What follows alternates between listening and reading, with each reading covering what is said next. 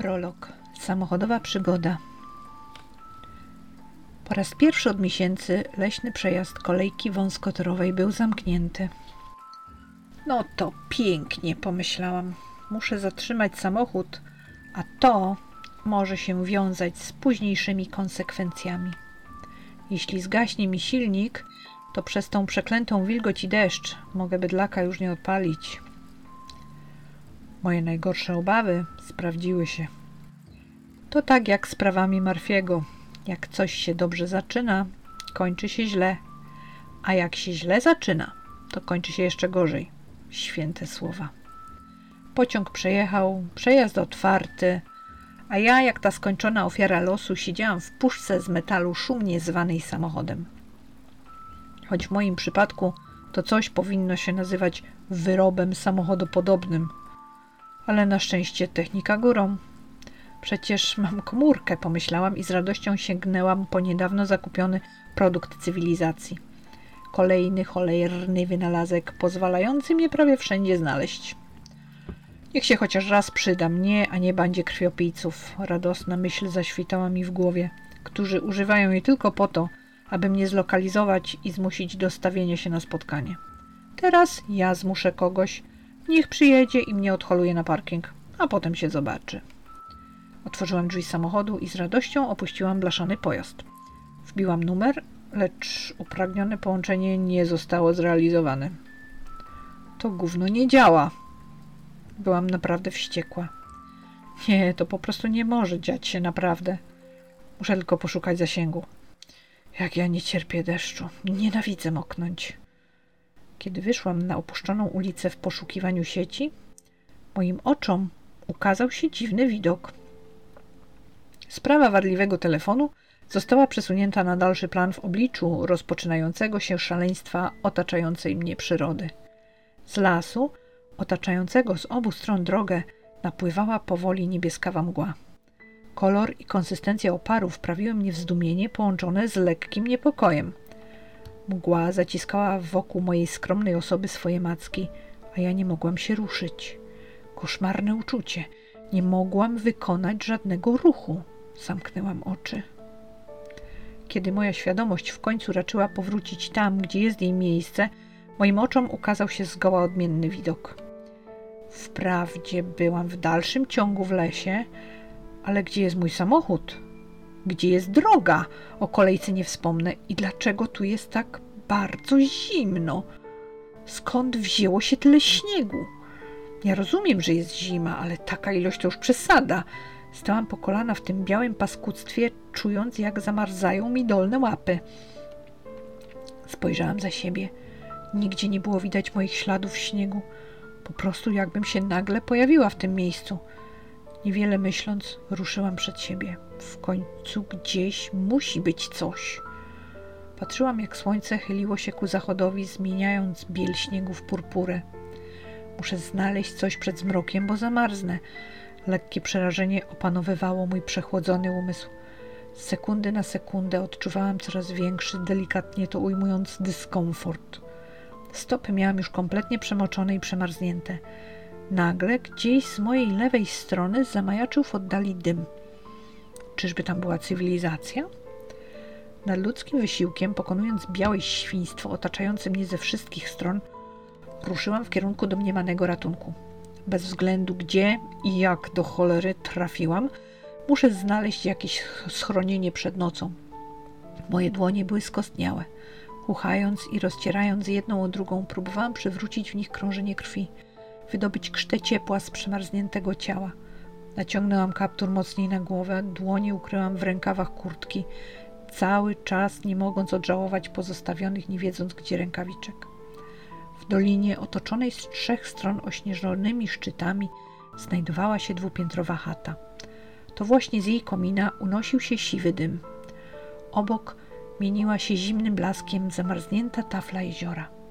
Słońce schowało się już za horyzont, Powoli zapadał zmrok. Robiło się coraz zimniej. W oknach chaty migotało światło. Zostawiłam za sobą gęsty las, spowity już mrokiem nadchodzącej nocy. Nie ma już na co czekać, pomyślałam.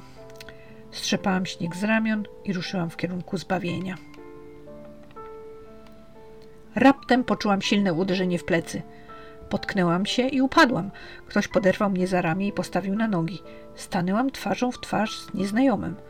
Nie był to człowiek, jakiego spodziewałam się ujrzeć w lesie. Pasował raczej do rzeczywistości opisywanej w XIX-wiecznej powieści. Długi płaszcz okrywał całą postać. Czarny kaptur skrywał część jego twarzy. Puścił mnie i używając śniegu wytarł z obrzydzeniem ręce. Jego stalowe oczy patrzyły na mnie z wyraźną niechęcią na granicy nienawiści. Jakby walcząc od razu, ponownie chwycił mnie za ramię i nic nie mówiąc pociągnął w stronę zabudowania. Szarpiąc się, krzyknęłam: Puść mnie! Zamknij się, mogolski śmieciu. Zimno brzmiące słowa zmroziły mnie skuteczniej niż mróz na dworze i otaczający śnieg. Wolałam nie ryzykować, więc wstrzymałam się z komentarzem. Mongolski?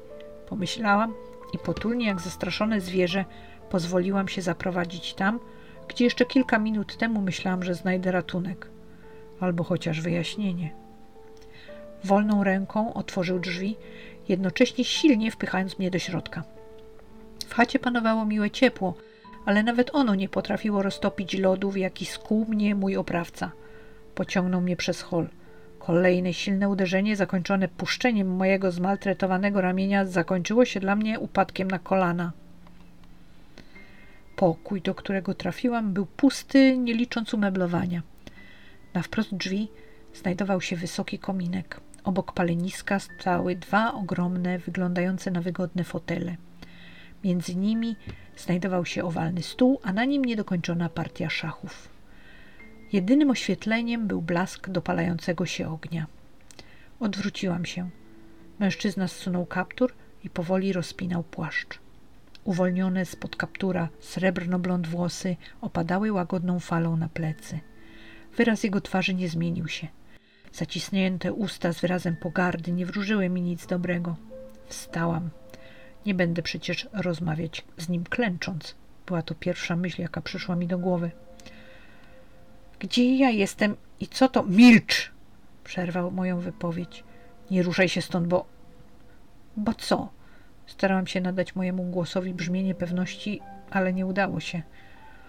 Mogę ci unicestwić, mugolski śmieciu, jednym zaklęciem, rzekł, kierując w moją stronę czarną laskę, zakończoną srebrną głowicą, przedstawiającą otwartą paszczę węża. To stwierdzenie odebrało mi głos i postanowiłam więcej nie dyskutować. Ten szaleniec jest gotów mnie utłuc tą laską, olśniło mnie. Pokornie odsunęłam się na w miarę bezpieczną odległość i usiadłam w fotelu. Nie tam! Ubrudzisz fotel! dodał z okrutnym uśmiechem. Tam! wskazał końcem laski miejsce na podłodze obok paleniska. Zacisnął dłoń poniżej ornamentu węża. Spojrzał, czy wykonałam jego zalecenie i wyszedł. Nawet nie miałam zamiaru się ruszyć. W końcu nikt nie lubi umierać lub zostać pobitym przez opętanego rządzą krwi człowieka z laską tak nagle i bez przygotowania. Czarny humor mnie nie opuszczał i chyba tylko dzięki temu nie rzuciłam się z dzikim wrzaskiem w stronę wyjścia. Kiedy drzwi się otworzyły ponownie, zobaczyłam dwóch wchodzących mężczyzn. Jeden znany mi wcześniej, mój kat z rządzą morderstwa w oczach. Miałam nadzieję, że to tylko moja wyobraźnia nasuwa mi tak kretyńskie skojarzenia. A drugi? Merlin, wyszeptałam. Nie zmienił się wiele od naszego ostatniego spotkania. Kilka lat temu po prostu odszedł. Więcej go nie widziałam aż do teraz. W jego grafitowych oczach odbijały się teraz czerwone iskry płomieni.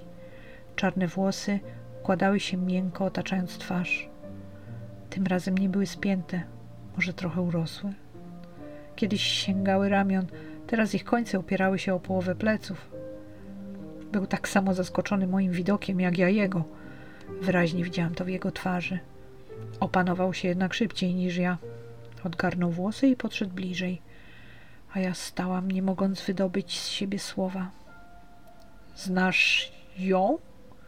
spytał jego towarzysz, zaakcentował z pogardą słowo ją.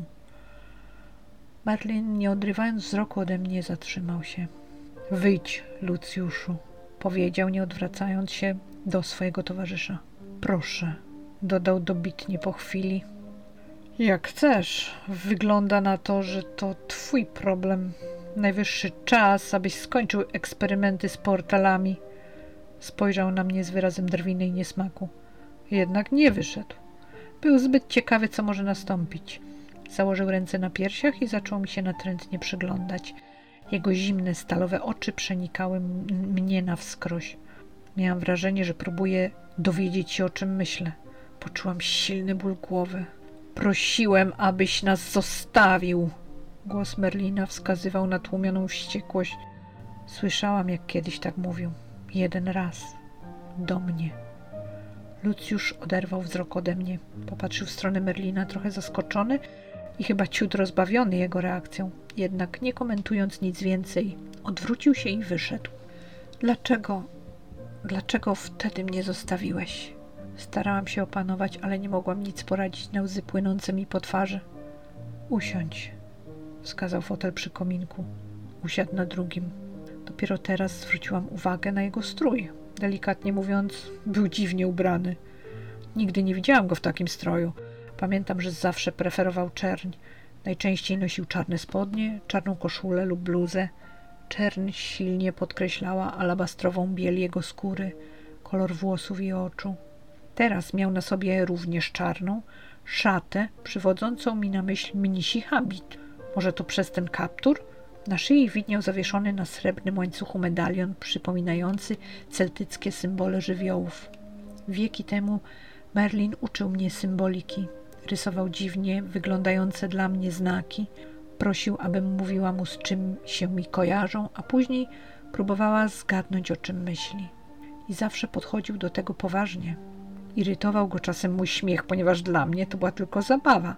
Powiedział nawet, że jestem dość zdolnym uczniem, dodając jak na człowieka. Trochę mnie zdziwiło to stwierdzenie, ale on obrócił to w żart i nigdy więcej nie wracaliśmy do tego tematu. Zresztą nie było już okazji. Zniknął dwa dni później, nic po sobie nie pozostawiając, jakby nigdy nie istniał. Kiedy się poruszył, to, co sprawiało na mnie wrażenie zakonnej szaty, okazało się płaszczem podobnym do okrycia Lucjusza. Pod spodem miał czarną tunikę sięgającą poniżej pasa, czarne spodnie i wysokie skórzane buty. Poprawił płaszcz, przykrywając medalion. Nie odpowiedziałeś mi na moje pytanie. Powiedziałam raczej nie licząc na odpowiedź. To dla twojego dobra. Im mniej będziesz wiedzieć, tym lepiej. Dla wszystkich, powiedział patrząc w ogień. Sięgnął po leżące nieopodal polano i wrzucił je w przygasający ogień. Nasycony płomień chętnie rzucił się na swoją zdobycz, dając nam ciepło i światło. Pozwól, że to ja zadecyduję, co jest dla mnie dobre. Próbowałam sprowokować go do rozmowy, ale on wydawał się nieobecny. Merlin oderwał spojrzenie od ognia i przeniósł je na mnie. Spojrzał mi w oczy. Czas i miejsce przestały dla mnie istnieć. Zatraciłam się całkowicie w blasku czerni jego oczu. Gdzieś w głębi umysłu pojawiła się myśl, że to już kiedyś się stało. On znowu chce, abym zapomniała. Tym razem na dobre, o wszystkim. Zacisnęłam powieki i wyszeptałam: Nie rób mi tego znowu. Kiedy otworzyłam oczy, wszystko wyglądało jak wcześniej. Znów słyszałam trzask palonego drewna, czułam ciepło, jakie daje ogień, a w powietrzu rozchodziła się woń żywicy. Merlin stał obok, ocierając dłonią moje ponownie płynące łzy. Słyszałam za sobą trzask otwieranych drzwi. Kiedy się odwróciłam, zobaczyłam Lucjusza stojącego w pokoju. Pospiesz się, Merlinie. Czyżbyś nie odczuł wezwania? dodał z przekąsem. Merlin potarł dłonią swoje prawe przedramię. Nie patrząc w stronę Lucjusza, rzekł. Za chwilę. Jeśli masz z nią jakiś problem, Lucjusz skierował na mnie trzymaną w ręku czarną laskę. Nie, uciął. Zaraz będę gotowy. Daj mi parę minut. I po chwili ciszy dorzucił. Poczekaj na mnie obok. Mój tak zwany znajomy został po raz drugi wyproszony z pokoju. Nie wyglądał na zadowolonego. Ja jednak nie byłam tym zmartwiona, pamiętając jego poprzednie zachowanie, jego słowa. Gdyby nie Merlin, chyba nie zostałoby ze mnie zbyt wiele. Merlinie, czy możesz, zanim się mnie pozbędziesz, wyjaśnić mi dlaczego? Mówiąc te słowa, wstałam i odsunęłam się od niego. Oparłam się plecami o ścianę w oczekiwaniu na upragnioną informację. Westchnął. Oparł dłoń o gzym kominka Kiedy przesuwał rękę, rękaw jego płaszcza przesunął się, odsłaniając czarne znamie na przedramieniu. Pamiętałam, że nie miał go wcześniej. Spojrzał na znak, później na mnie i uśmiechnął się. Nigdy wcześniej nie widziałam tyle smutku i goryczy w jego uśmiechu. Jest wojna, rozpoczął patrząc przed siebie. Od wielu lat. Właściwie wy o niej nie wiecie, pomimo że widzicie jej skutki. Nie zdajecie sobie sprawy, o jaką stawkę toczy się walka. Przerwał na chwilę, zastanawiając się, jakich słów użyć. Mam posłuszną tylko mi armię, kontynuował. Istot, które wy zwiecie demonami, pójdą za mną. Ich nie obchodzi, dlaczego toczy się walka. One lubią zabijać. On chce, żebym ich oddał pod jego rozkazy. Dlatego odszedłem. Gdyby on cię znalazł, gdyby się dowiedział, zamilkł na chwilę. Podszedł do mnie. Miałam wrażenie, że chce mnie przytulić, ale nie zrobił tego. Oparł się o fotel, skrzyżował ręce na piersi. Kim on jest? spytałam. Kimś, kogo nie chcę, abyś ty kiedykolwiek poznała. I zrobię wszystko, aby do tego nie doszło. Jak to się stało, że tu jestem? Może chociaż to mi wyjaśnisz? Merlin lekko uśmiechając się machnął ręką. Lucjusz, powiedział, a uśmiech nie schodził z jego twarzy. Nigdy nie był punktualny. Kiedy portal do mojego domu się otworzył, jego nie było jeszcze na miejscu. Spóźnił się. Nie wiem ile. Może minutę. A ja pomyślałem o tobie. To moja wina, że tu jesteś. Chociaż półuśmiech nie zniknął z jego ust. Gdyby Lucjusz się nie spóźnił, właściwie jestem mu wdzięczny. Co jednak nie zmienia faktu, zmienił głos. Jego twarz ponownie nabrała kamienny wyraz, że już czas na ciebie. Lucjuszu, rzekł w płomienie. Zaczekaj, krzyknęłam. Nie możesz mnie tak po prostu wyrzucić. Poczułam na ramieniu czyjąś dłoń. Odskoczyłam. Kiedy się odwróciłam, zobaczyłam ponownie towarzysza Merlina. Nie wiem, w jaki sposób Lucjusz znalazł się w pokoju. Nie słyszałam, kiedy drzwi się otworzyły. Wybacz, powiedział Merlin, patrząc na mnie. Tak jest lepiej dla nas wszystkich. Dotknął mojej dłoni, odwrócił się i wyszedł. Nie mogłam za nim pobiec, ponieważ jego przyjaciel zbyt silnie mnie przytrzymał. Wracasz do siebie. Wystarczająco dużo zamieszania już narobiłaś. Puścił mnie, popychając lekko tym razem i skierował w moim kierunku czarną laskę zakończoną srebrną głową węża, szepcząc coś pod nosem. Kiedy się ocknęłam, siedziałam w samochodzie. Silnik pracował, pociąg właśnie mijał przejazd kolejowy. Szlabany powoli podnosiły się do góry. Czas spędzony tam, może godzina? To zaledwie kilka sekund tu, pomyślałam. Wiedziałam, że portal jest zamknięty, ponieważ mgła, świadcząca poprzednio o jego otwarciu, bezpowrotnie znikła. Wrzuciłam jedynkę i wycierając łzy, ruszyłam w stronę pracy. Teraz codziennie zatrzymuję się chociaż na chwilę w tym miejscu, mając nadzieję, że niebieska mgła powróci, zabierając mnie ze sobą. A drugi raz nie dam się odesłać. Merlinie, znam się od tak dawna i teraz, choćbym miała przejść boso pustynię, przepłynąć to cholerne morze, dokopać się gołymi rękoma do piekła i uściskać dłoń diabłu, i tak cię znajdę. I nie obchodzi mnie ta wasza wojna. A kiedy znów się spotkamy, nie pozwolę ci odejść.